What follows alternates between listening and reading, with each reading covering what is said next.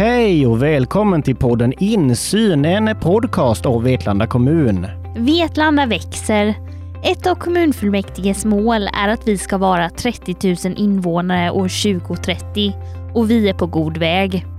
För att det ska finnas bostäder till alla planerar kommunen för en ny stadsdel och den tänkte vi prata mer om i veckans avsnitt. Jag heter Johanna Stenvall. Och jag heter Niklas Karlsson. Vi jobbar som kommunikatörer på Vetlanda kommun och det är vi som ställer frågorna i den här podden. Med oss i studion har vi mark och exploateringschef P.O. Högstedt och planchef Carolina Relme som ska svara på våra frågor kring den nya stadsdelen. Välkomna till podden Insyn. Tack. Tack. Om vi börjar med dig P.O. Det byggs ju för fullt på Himlabackarna just nu. Varför ännu en stadsdel? Ja, vi måste ju skapa fler tomter. Eh, Vetlanda kommun, politikerna har bestämt att det ska vara 30 000 invånare 2030.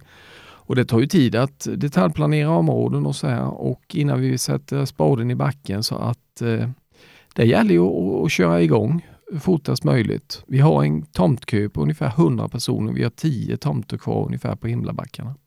Vart är tanken att den här nya stadsdelen ska placeras och vad heter området? Ja, vi har hållit på med det här ett tag. Det finns ju med redan i fördjupade översiktsplanen. Väster om eh, Vetlanda, väster om Västerleden mot eh, Norresjön, Flögen åt det hållet kan man säga. Eh, så att det är ju mitt emellan eh, bilprovningen och eh, Biltema kan man säga. Mitt emellan där järnvägen och, och ner mot Madhagen. Najet Madhagen heter de här områdena. Hur stort område handlar det om? Ja, det är, totalt är det ungefär 180 hektar. Så det är ett väldigt stort område och 90 hektar av det här kommer bli bostadsområden om vi säger så. Så vi kommer ju spara mycket natur och rekreationsområde emellan här. Men Carolina då, varför blev just detta område aktuellt? Området har tidigare pekats ut i den fördjupade översiktsplanen. Den antogs 2020. Och eh, det är åt detta hållet man vill att Vetlanda ska växa åt, alltså västerut. För att inte bara växa i nord-sydlig riktning och växa på längden, så behöver man runda till Vetlanda lite och då är det västerut där möjligheterna finns. Hur många nya bostäder kan det bli tal om och vilken typ av bostäder? Ja, vi räknar med ungefär 700 bostäder i området och eh, vi ser ju framför oss en blandad bebyggelse, både villor och bostadsrätter och flerfamiljshus.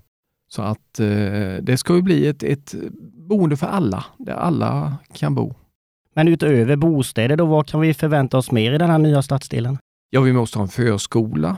Eh, vi tänker trygghetsboende, men även lite andra kvaliteter. Alltså det kan finnas en, en bageri kanske, vad vet jag, ett café och sådär.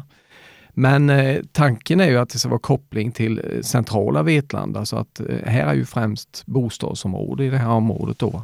Men eh, PO, jag tänker, finns det något miljötänk med den här nya stadsdelen? Vetlanda har ju som mål att vara en hållbar kommun.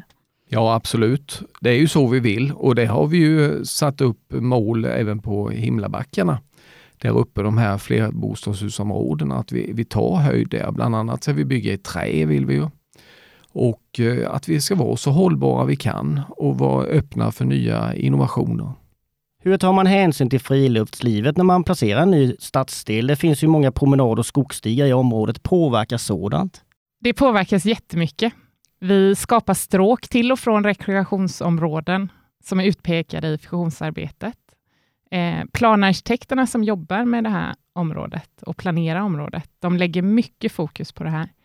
Eh, man minskar risken. Man försöker minska ris risken att bygga barriärer och även försöka hitta sätt att minska den befintliga barriären som finns där idag, Västerleden alltså. Och detta är en jätteviktig del i en planarkitekts arbete. Eh, att göra en korrekt avvägning mellan byggnation och gröna områden väga efterfrågan på bostäder och samtidigt kunna skapa attraktiva områden. Och där är grönskan en viktig del för att ett område ska upplevas som attraktivt. Men kommunen har gjort ett visionsarbete inför själva exploateringen av området. Hur gick det till och vad gav det här? Det är ju ett stort område vi pratar om eh, och istället för att eh, börja med en detaljplan i en ände eh, så ville man ta ett helhetsgrepp och för, först ta fram en vision över hela området. Där beskriver man vad kommunen vill med området. Sen i senare skede, där vi är nu, då, så detaljplanen lägger man området och då tar man en bit i taget. Eh, första etappen så planerar vi ungefär 11 hektar bostäder, så det kommer ju bli ett hygge nu ganska snart på 11 hektar där ute. För det första steget vi ska göra är ju arkeologi, för vi hittar en del saker här ute så det ska utredas. Och, och arkeologerna behöver trädrent egentligen kan man säga när de ska gå, gå fram och göra undersökningar. Så nu är det viktigt att, att vi verkligen bara avverkar det vi ser vi kommer bygga på om man säger så. Då, Men jag tänker, hur gick det här visionsarbetet till? Ja, det började ju med att eh, kommunen själva, alltså våra, våra Eh, medarbetare på plan då, eh, diskuterade själva inom kommunkoncerner, då, Njudung Energi och med olika förvaltningar, skola, vård och omsorg och så vidare hur, vad ser man för behov och vad ser vi själva i kommunen då från, från början att vi ska ha i nästa område? Då? Alltså vi tänker rätt redan från början. Sen eh, tog vi in eh, allmänheten och ställde frågor och sen hade vi två stycken eh, som ville vara med och arbeta i det här visionsarbetet, två företag då. Men vad var det medborgarna ville ha? Ja, det var lite det jag sa i början. De vill ha en blandad bebyggelse, de vill ha nära till naturen. Eh, det är viktigt. Jag, jag tänker att det ska vara ganska mycket både stad och land i det här då. Att, att man har nära till naturen, man har nära ner till stan också. Så att eh, man vill ha både och och man vill ha ett attraktivt läge. Och det är ju olika hur olika människor ser på det här med attraktivitet. Eh, för en del vill ju bo högt och se ut över vidderna medan andra kanske vill bo lite mer i skogen. Och här måste vi hitta de här olika kvaliteterna och dels skapa eh, områden som blir attraktiva, parker och naturområden. Va? Dagvattenhantering kan vi använda som, som eh, blå, blå streck igenom bebyggelseområdena och sådär också. Så att det, det är mycket vi måste jobba med det här för att det ska bli ett attraktivt område. Men du, många har nog hört namnet Hubwill. Vad hade de med den här stadsdelen att göra och vad var det egentligen som hände där? Ja, det var ju ett, eh, en grupp människor som engagerat sig då i, i den här organisationen Hubwill. Då. Och eh, de kontaktade flera kommuner och frågade, vi vill bygga den hållbara staden, staden med hjärta. Och eh, vi svarade på det där och eh, tog upp en diskussion de hade ju väldigt stora visioner, utopiska visioner om jag säger så, som inte var realistiska. Men det är klart, vi som bor i ett, ett hörn av Jönköpings län, eh, vi får ju liksom dra själva mycket och vi behöver lite draghjälp på olika sätt. Och vi såg väl det här också som att någon, någon kommer ner och pekar, här vill vi bygga då. Va? Och eh, vi ska ju växa och utvecklas, det vill vi. Och det här kunde ju vara en del av det. Så att eh, de blev med i det här visionsarbetet då, precis som OBOS. OBOS eh, ute i Myrsjö då, som, som ville också vara med och utveckla det här. Och de här två organisationerna presenterade sina inspel under det här visionsarbetet. Och OBOS hade ju en väldigt tydlig bild. De har ju byggt mycket Företaget Hubwil har ju inte byggt något. De är en konceptutvecklare kan man säga. De har inget kapital själva och har inte presenterat sina samarbetspartner.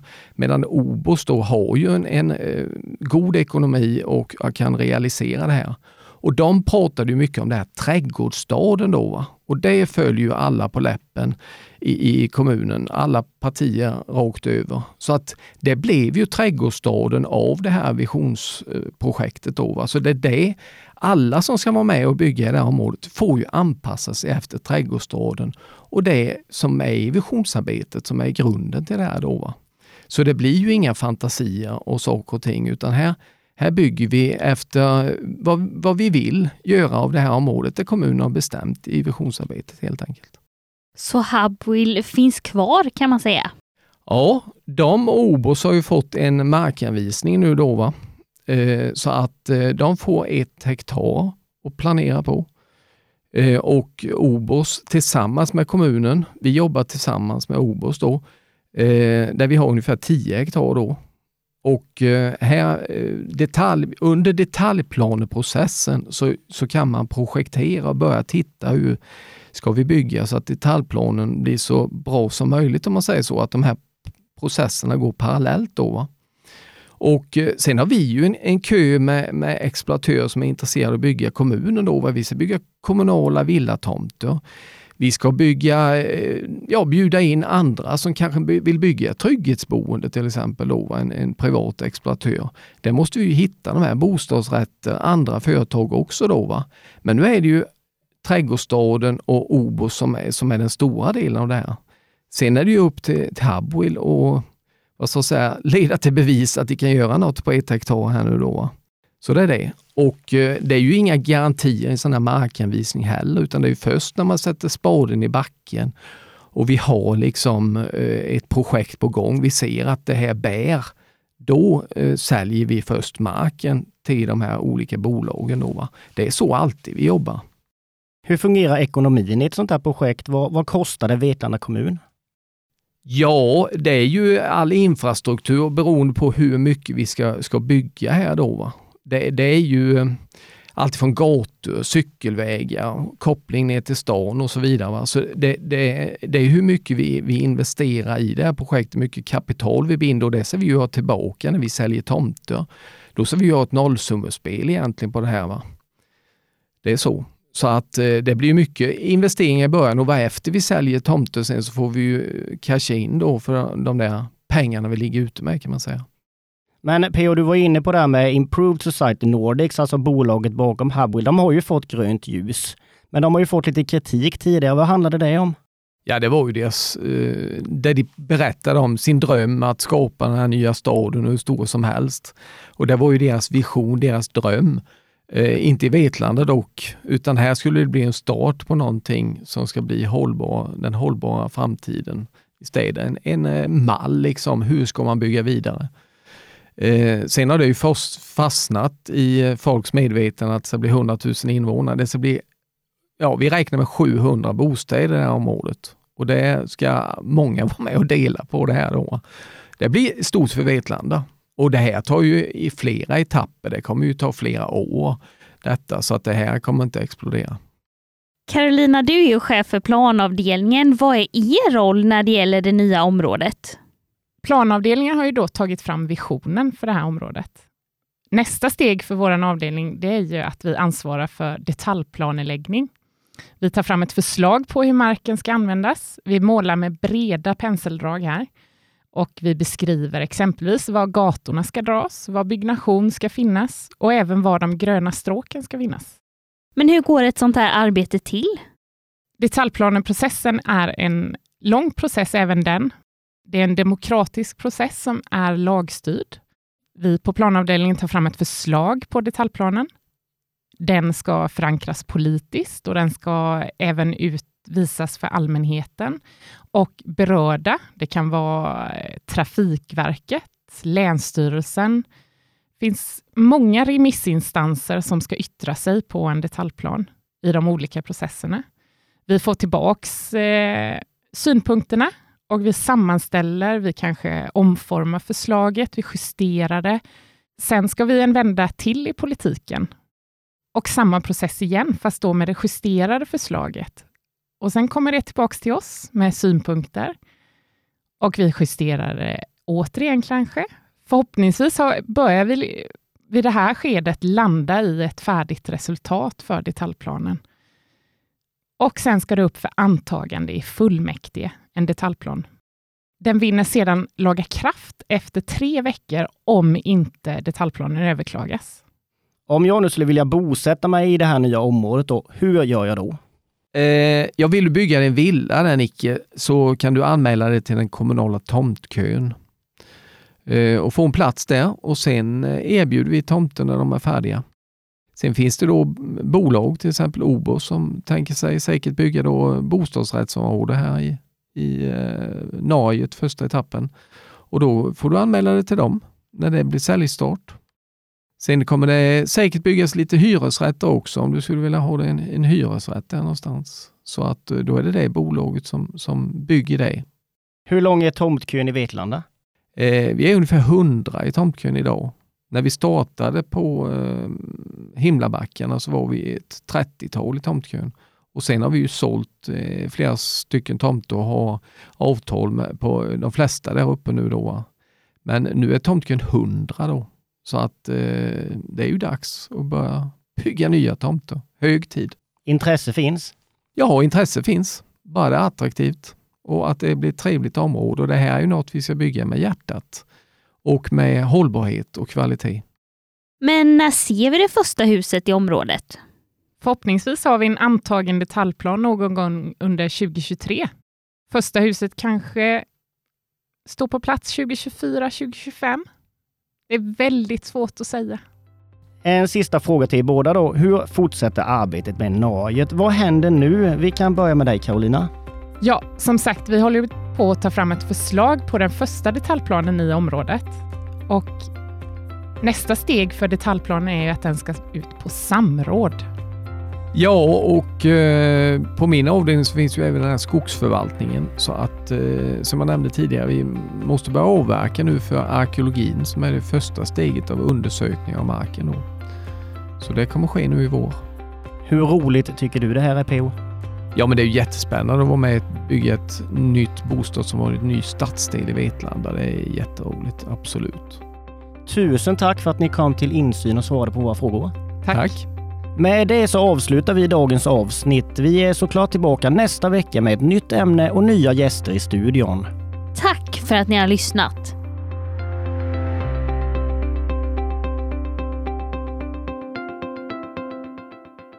Du har lyssnat på Insyn, en poddproduktion av Vetlanda kommun.